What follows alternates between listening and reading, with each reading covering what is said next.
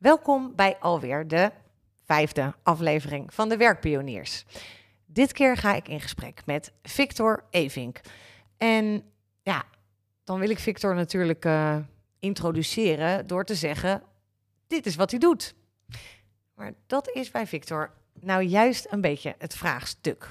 Want wat is precies een professionele identiteit en waaraan moet je voldoen voordat je jezelf een puntje, puntje, puntje kunt noemen? Nou, daarover ga ik onder andere met hem in gesprek. En alvast het einde.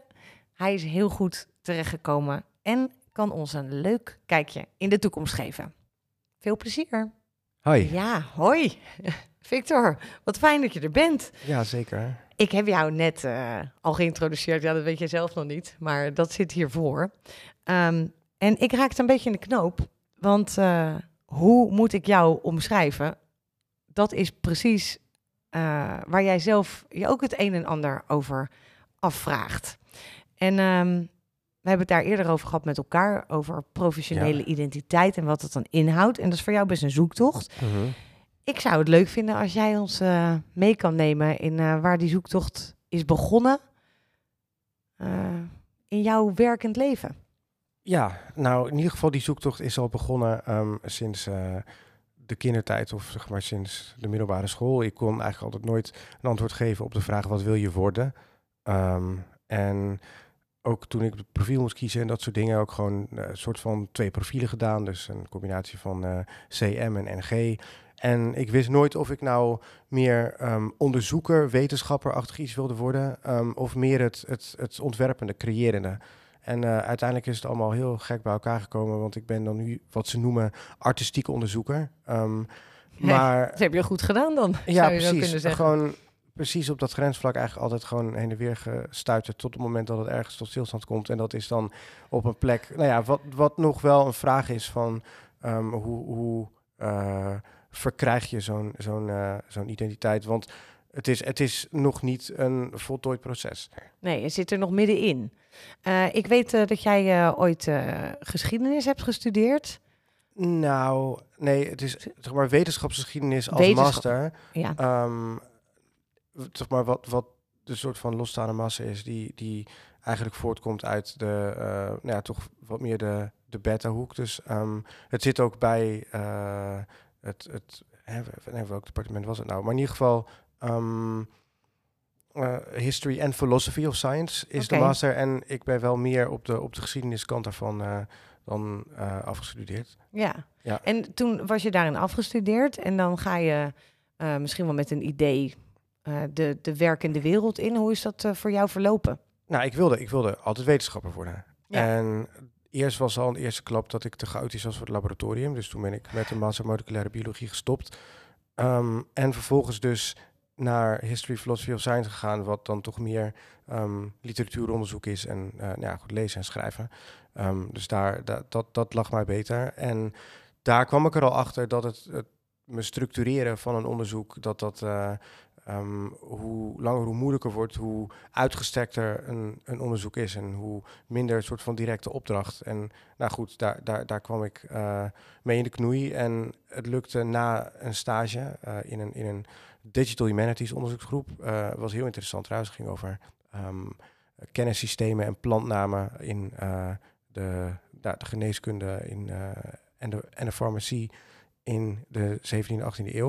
Oké, okay, vet. Ja, dus ik had, ik had wel echt een interesse in het onderwerp. Ook, het ging ook over, over de, de koloniën, de handel um, en ook de indigenous cultures, zeg maar, in, in Zuid-Amerika. En, um, dus dat zijn allemaal dingen die, die, die mij wel uh, erg aanspreken.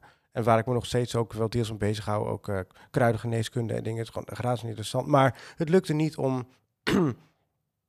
om een paper um, tot, een, maar tot een afronding te brengen. Ja. Ik, ik, ik, bleef maar zijspoortjes inslaan, meer lezen en op een gegeven moment de draad kwijtraken. En op een gegeven moment uiteindelijk ook een beetje een stip op de horizon of een, of een, of een eindpunt. Um, waardoor het niet lukte in, om in een soort voortraject, want ik kreeg van de de, de groepleider kreeg ik dus een kans om een academische paper te publiceren vanuit een onderzoeksgroep, gewoon zelfstandig in mijn eentje. Ja. Ehm, en Geeft op zich blijk van vertrouwen ook. Zeker, ja, ja, ja. Want hij vond mijn idee wat ik presenteerde in de, de presentatie, vond hij goed. En dat zou dan een soort van een, een opstapje kunnen zijn, een springplank richting een PhD. Oké. En ik wilde dus altijd een PhD doen. Ik, ik kon mezelf niet anders voorstellen dan, dan dat ik uh, uh, ooit PhD achter mijn naam zou kunnen schrijven. Um, ik kan het nog steeds niet, helaas. Misschien, misschien dat het nog wel weer komt in de toekomst. Maar ja, dus en dat dat niet lukte, was ook het soort van het afscheid nemen van een uh, beeld van jouw toekomstig werkend leven als academicus, die je eigenlijk altijd op die manier hebt gezien. Ik, ik wilde onderzoeker worden. En ja, um, ja dat, uh, dat lukte toen dat lukte niet. niet vanwege um, mijn uh, handicap in het autisme spectrum. En dat, dat, dat, begon ook steeds meer, hoe lang meer op te spelen. Naarmate er toch meer um, verantwoordelijkheden kwamen op het gebied van ja, zelfstandig onderzoek doen, zelfstandig. Mm -hmm. nou ja, andere dingen die er komen kijken bij het hebben van een, een baan, behalve alleen maar intelligent zijn of leuke ideeën hebben. Want ja, nou, die heb je alle twee in overvloed, ja. dus dat scheelt. Um, maar jij zegt net, uh, door die uh, autistisch spectrum uh, diagnose, wist, was dat toen ook al bekend? Ja. Ja. Dat was bekend vanaf kind. Um, als kind gediagnosticeerd. En um, eigenlijk altijd op een beetje een dubbele manier mee omgegaan. Omdat mijn ouders heel veel dingen eigenlijk voor mij oplosten. En daardoor dus probeerden om mij zoveel mogelijk kansen te geven. En dan hoe zelfstandiger je wordt en hoe minder je ouders voor je kunnen oplossen, hoe meer je uiteindelijk aan begint te lopen tegen um, nou ja, de, de, de, de dingen die je, die je niet kan of die mensen niet altijd begrijpen. En zeker op het gebied van werk um, is het altijd wel een ding geweest. Want ik, ik, ik daar goed heb dan ook een, een soort sterke dyspraxie. Dus ik. ik uh, Sorry, kan je dat even dyspraxie. Dat is zeg maar um, dat, je, dat je minder goed scoort op, op het uitvoeren van praktische dingen. Ah, oké. Okay. Ja. Um, dat, heb, dat zit er een, eigenlijk een, een kloof tussen ja. het uh, verbale en performale. Is dat ja, waar je het dan over hebt? Ja, ja. En, en dan horen mensen praten en denken ze... oh ja, die, uh, die jongen is heel slim. Daar kunnen we veel van verwachten. En dan Um, na een paar weken is het over, ja, maar iedere debiel snapt toch dat dit, nou ja, ja. en jij, dus, en daar zit, daar zit dan zo'n kloof tussen. En dat, dat is ook voor mezelf soms moeilijk om daarmee dan um, genoeg waardering te hebben voor de dingen die ik wel kan. Als ik ja, een goed dat, idee dat, heb. dat begrijp ik uh, ook heel goed vanuit dat ik zelf toevallig een zoon heb die uh, ook een, uh, een autistisch spectrum diagnose heeft. Ja. Zoals hij het zelf noemt, hij heeft S, want de afkorting is ASS. Dat vindt hij dan vreselijk grappig. Um, uh, dus ik herken die. Uh, ja, uh, ik herken de, de overschatting behoorlijk. Want het, de, en ik, ik kan me ook voorstellen dat je daar dan best wel tegenaan loopt. Dus je, je bent op een gegeven moment in die. Je wil zo graag die PhD. Dat, ja. dat werkt niet. -huh. Dat lukt niet. Wat heb je toen gedaan?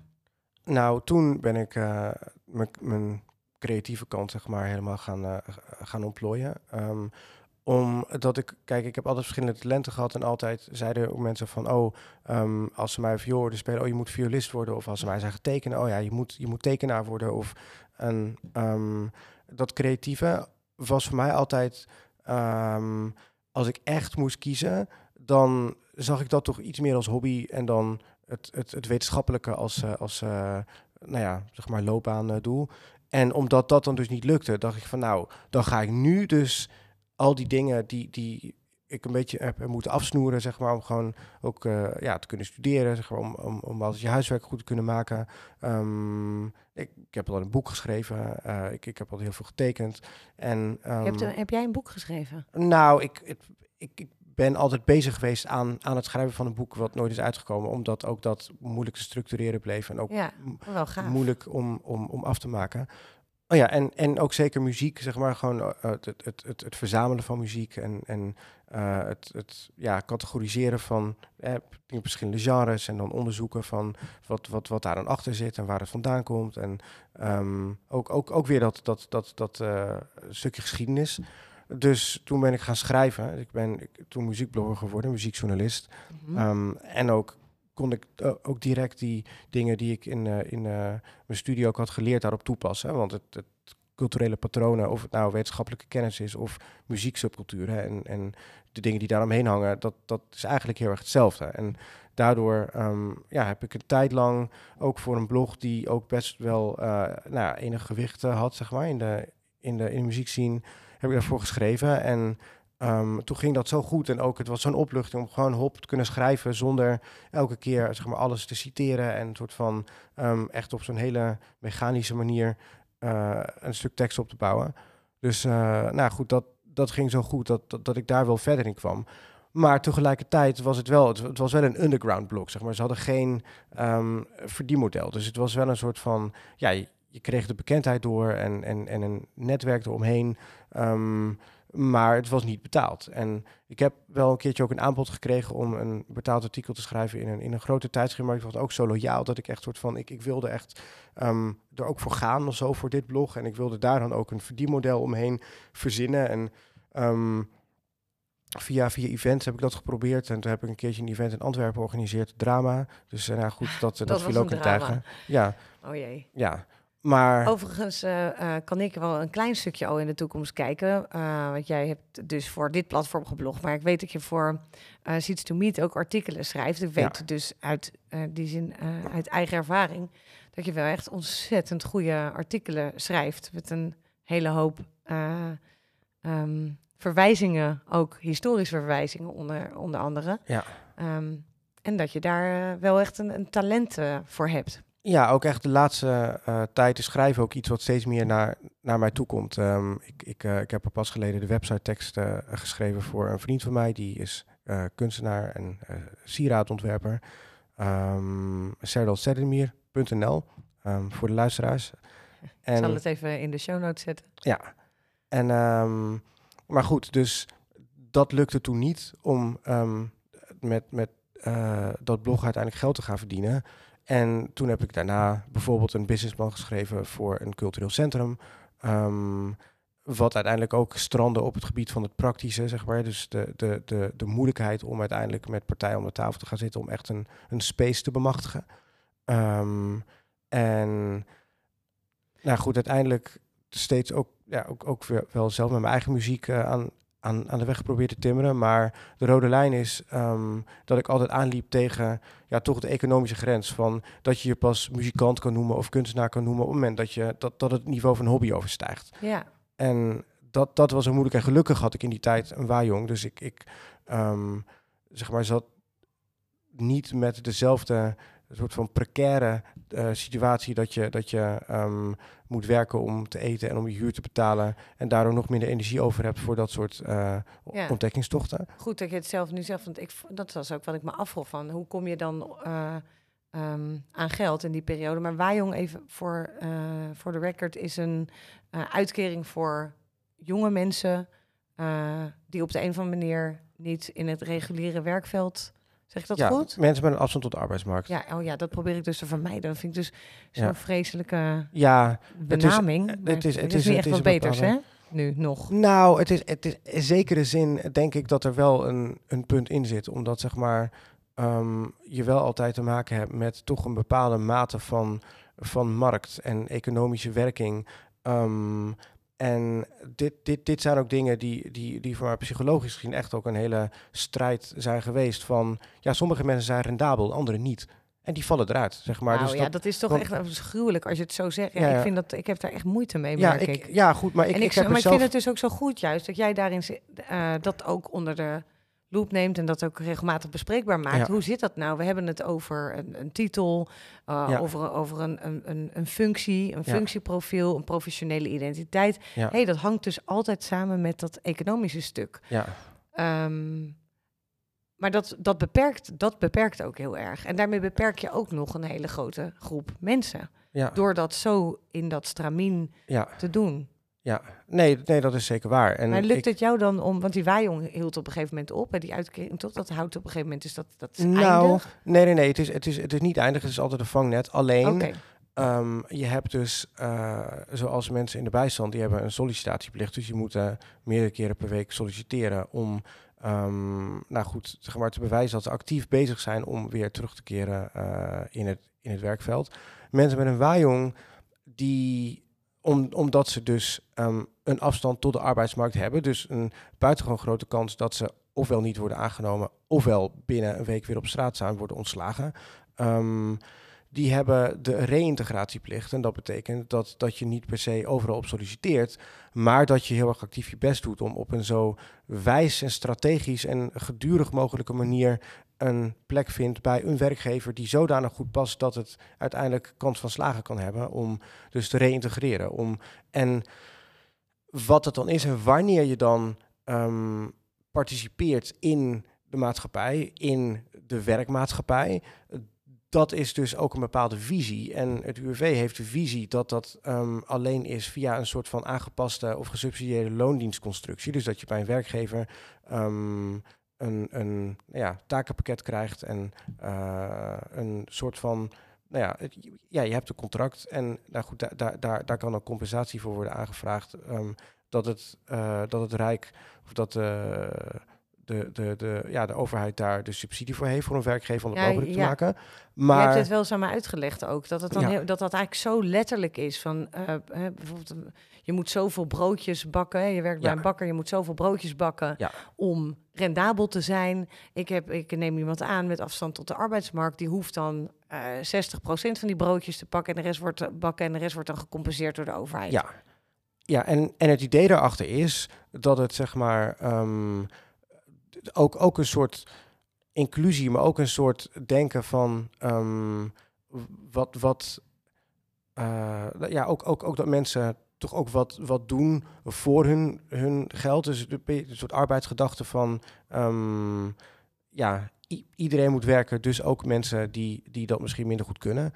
Um, en maar kunnen ze het minder goed of kunnen ze het anders, is natuurlijk nou, de dat, vraag. Hè? Dat, dat is dus ook de vraag. Want ik, ik had dus ook de, de, de, de reactie naar, naar de UWV toe van, maar ik participeer al in de maatschappij, want ik doe mee met zeg maar zulke verschillende, um, nou ja, hoe moet je dat zeggen? Um, ik, ik, ik deed allerlei projecten. Ik werkte samen met mensen. Ik deed ja. ook dingen op artistiek gebied, zeker niet alleen maar voor mezelf. Um, met het enige ding dat ja, ik, ik, ik kon er geen geld mee verdienen. Maar dan, dan zit daar toch een soort frictie in van hè, wanneer is het werken, wanneer is het hobby? Wanneer is het gewoon een pretpakket, wanneer is het voor de leuk? Um, ja, en, wie, be en wie bepaalt dat? En wie bepaalt dat, precies. Ja. En is er voor jou dan ook een punt gekomen waar, waarop dat um, uh, een andere vorm be begon aan te nemen? Uh, want het is best een zoektocht geweest, maar dan weet ik toevallig dat je op een gegeven moment ook uh, daar wel meer je plek in vindt. Hoe ja. is dat gegaan? Nou, ik denk de grootste doorslag is geweest dat ik gevraagd ben door de, de Finse designer, filmmaker uh, Emilia Tapres en Visible Studio. Um, daar zal ook een linkje naartoe komen. Um, om een rol te spelen in, uh, in een project waar zij mee bezig was. En dat is een film die zich indenkt hoe verschillende uh, maatschappijen in de toekomst zich kunnen vormen. En ook wat voor ideeën erachter nou ja, de ontwikkeling van bepaalde technologische infrastructuren zit. En het is een soort van een, ja, um, moet je dat zeggen? Het is, het is een soort science fiction, maar ook meer poëtisch of zo. Het gaat ook meer over um, ja, bepaalde waarden of bepaalde, bepaalde sfeer die er uh, uit een soort ja, visie of zienswijze uh, of manier van samenleven Jullie voortkomt. bedenken als ja. het ware hoe verschillende soorten toekomsten eruit komen te kunnen komen te zien. Uit kunnen komen te zien. Oké. Okay. Ja, ja, ja, ja.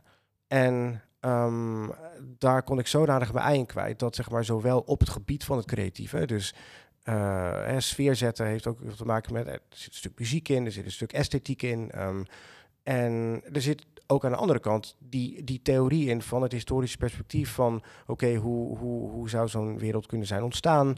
Um, een stukje trendwatching van oké, wat voor dingen zie je nu opkomen en hoe kun je daar commentaar op leveren door daar een soort toekomstvoorstelling van te maken. En zodoende kwam, kwam alles bij elkaar. En daar ben ik wel echt op mijn plek gekomen. En ook daarbij was het ook, wat ik in 2020 heb gedaan, was het een, een gefinancierd project. Dus zeg maar, het was niet alleen maar ik die zegt, oké, ik vind dit goed, want ik vind dit leuk, maar ook een partij die, die daar ook voor anderen ook over beslist, namelijk het Stimuleringsfonds, Creatieve Industrie, die vond ook dat het een project was wat het waard was om gefinancierd te worden. Waardoor ja. het uiteindelijk heel dicht gaat aanschurken tegen van oké, okay, nou nu kan ik mezelf toch bijna wel um, kunstenaar of artistiek onderzoeker noemen. Ja. Ja. Toch uh, de, de erkenning daarvoor ergens. Ja. En, Mooi. Uh, en uh, um, dat onderzoek wat jullie daar hebben gedaan, ik, ik weet uit een artikel wat jij schreef, um, dat jij weet ook een hoop van science fiction, hoeven we nu niet helemaal in te duiken, mm. maar dat daar vaak een soort dystopisch beeld uit naar voren komt. Of we hebben het over utopieën, maar dat jullie ook bezig zijn geweest met dat er nog een derde variant op is. Dat voelt ik uitermate boeiend. Ja, ja, die noemen wij de ambitopie. Um, en de ambitopie gaat om het stellen van vragen uh, en, en ook in gesprek gaan over waarom, ja, misschien een soort, wel een soort van politiek van de toekomst. Dus sommige dingen en sommige waarden, sommige aspecten spreken uh, sommige mensen meer aan. Of zeg maar, sommige hebben een allergie voor. Bijvoorbeeld um, ja, dan moet je denken als, hè, aan dingen als, als uh, autoriteit of vrijheid of um, ja, dingen, individualiteit of juist collectiviteit of zeg maar, dat zijn toch hele diepgelegen dingen waar verschillende mensen ook um, met een verschillende karakter ook echt een ander gevoel bij hebben. En als je dan een soort toekomst voorstelt waarbij het meer naar de ene of meer naar de andere kant toe helpt en dat breng je in beeld op een manier dat sommige mensen krijgen dan de kriebels van zeggen, oh, dit is een ultieme dystopie. Voor, uh, terwijl iemand anders misschien zou zeggen, nee, maar hier, hier ben ik voor, want dit is de enige manier hoe we misschien um, het klimaat kunnen redden of zo. Ik, ik noem maar het dwarsstraat. Dus, er zijn echt gewoon um, ja, verschillende mogelijkheden en, en, en ook lastige dilemma's, lastige keuzes, waarvan ik denk dat het belangrijk is dat over gepraat wordt. En daardoor dat, uh, dat we hebben gekozen voor de, voor de lijn van de ambitopie ook om niet per se um, iets te willen opleggen van dit is hoe wij vinden dat het moet. Nee. We hebben wel wat voorkeuren en ook een van die en betekent ambi dan verschillende mogelijkheden bekijkend? Is ja. dat uh, ja, waar dat voor staat? Ja de, ja, de ambivalentie of zeg maar beide. Het beide, idee dat het zeg maar twee, twee of twee meer... zienswijzen geïntegreerd in dat toekomstbeeld bijvoorbeeld. Ja, ja zeg maar meer, meer, meerzijdig uh, okay. uh, ja, Gaaf. ja. Ik zal ook even een link zetten naar het artikel wat je daarover schreef. Want dat is echt een, uh, ja. de, de, moeite waard om te lezen.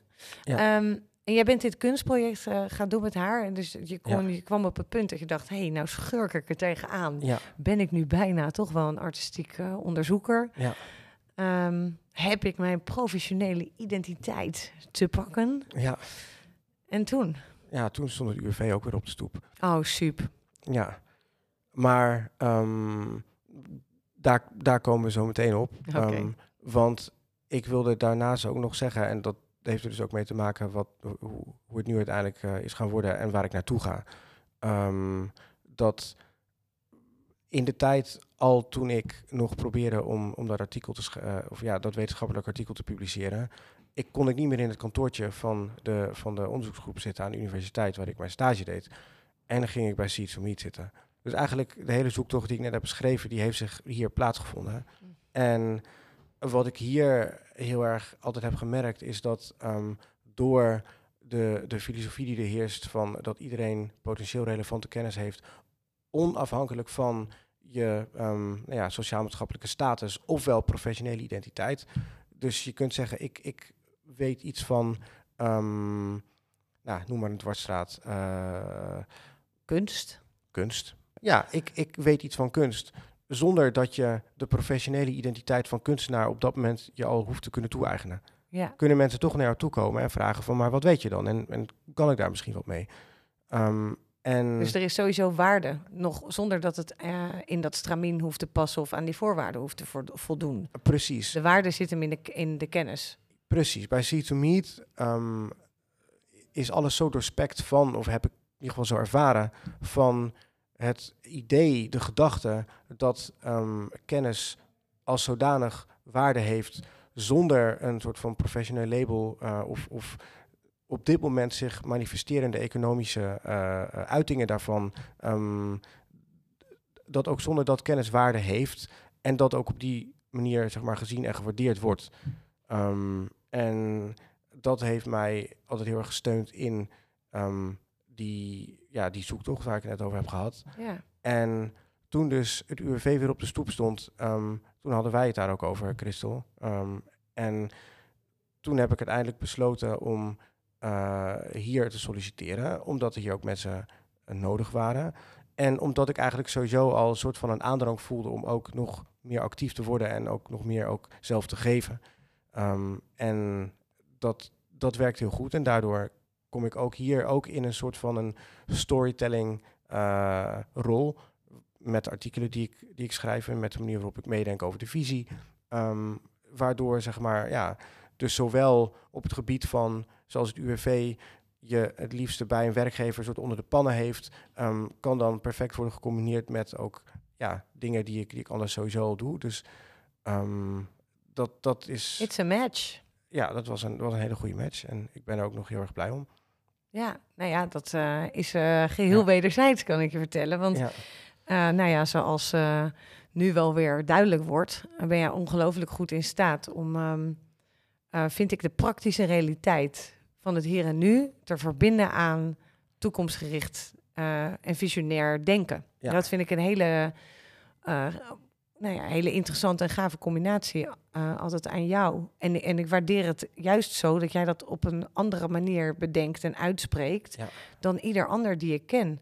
En eh, dat maakt voor mij ontegenzeggelijk, ja, of er nou een eh, professionele identiteit aan hangt of dat iets in woorden te vatten is, vind ik dan minder interessant. Ik vind gewoon Ja. jouw wezen een toevoeging ja. aan het leven.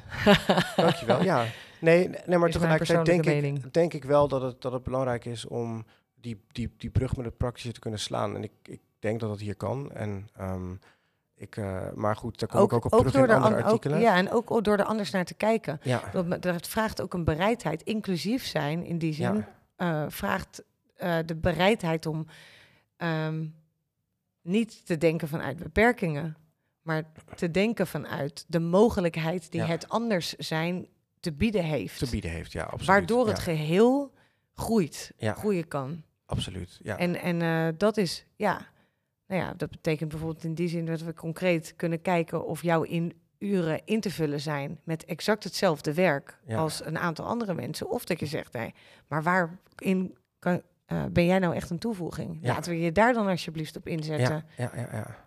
Ja, ik vind het zo logisch eigenlijk, als het dat zo zegt. Dan denk ik, ja, waarom, waarom zouden we daar in godsnaam nog anders over denken? Ja, maar dat is, dat is ook het pionieren. Want ik denk dat als, als je eenmaal ehm, de vruchten kan zien van, van eh, deze manier van denken, dan eh, kun je een verschuiving krijgen dat andere organisaties dat ook doen.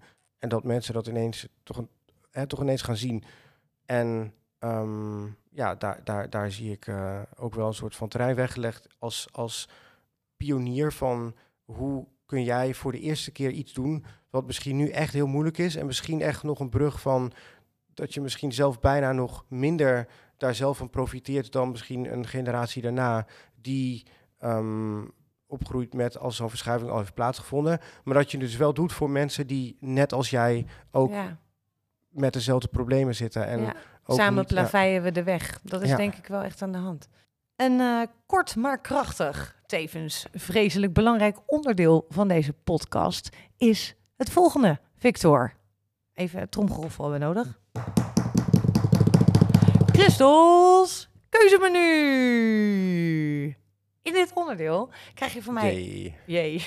nou, ik vond dit een beetje een onderkoelde jee. Mag ik dat zeggen? Jij. Ja, oké, bedankt. Dat is beter. Eh, in Christels keuzemenu krijg jij vijf stellingen voorgeschoteld. Ah, keuzes eigenlijk. En jij moet in een heartbeat antwoord geven. Geen eh, enorme denktijd. Gewoon bam, gooi het eruit. Klaar voor? Hm? What else could I say? Ja, je hebt echt absoluut geen keus. Nummer 1, 1, 1. Een duidelijke professionele identiteit of naamloos doen wat je leuk vindt. Naamloos doen wat je leuk vindt.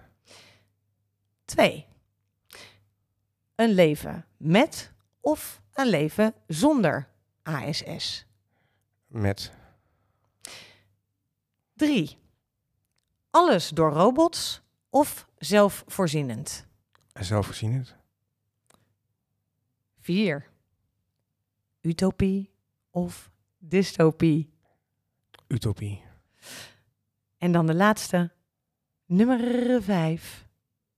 Thuiswerken of een co-werkplek. En daar ga ik geen antwoord op geven. Dit vind ik echt onaardig. Nee, natuurlijk een correct plek. Yay! Oh, nou komt er even van mij. Ja, dit waren ze. Vijf stellingen. Ik vond je heel eh, lekker stevig, sterk, snel Ja. je antwoorden. Ja, sommige waren wel lastig hoor, want... eh, nou goed. ehm, Nee, dan ga je nee, nuanceren. ja, dat is niet de bedoeling aan Nee, dit nee, nee, onderdeel. zeker niet. Bam, je hebt Nee. je keus gemaakt. Afgelopen. Boek dicht. Doei. Ja. Hey, ik eh, wil je ontzettend bedanken Ja, voor eh, dit ongelooflijk leuke gesprek. ja. Wat vind ik het leuk om eh, even met jou op reis te zijn geweest eh, Ja. in deze podcast. Ja, Dank. hetzelfde. En je nog, moest, is er nog iets waarvan je zegt, zegt, dat ben ik absoluut nog vergeten. Die naam moet ik nog noemen. Deze site moeten jullie nog zien. Nee? Ja? Nou, dat zou ik even na moeten denken. Ik, ehm, Nou, en anders gooi ik het achteraf nog wel in de show notes. ja, Goed? is goed. Oké. Gaan we doen. Dank.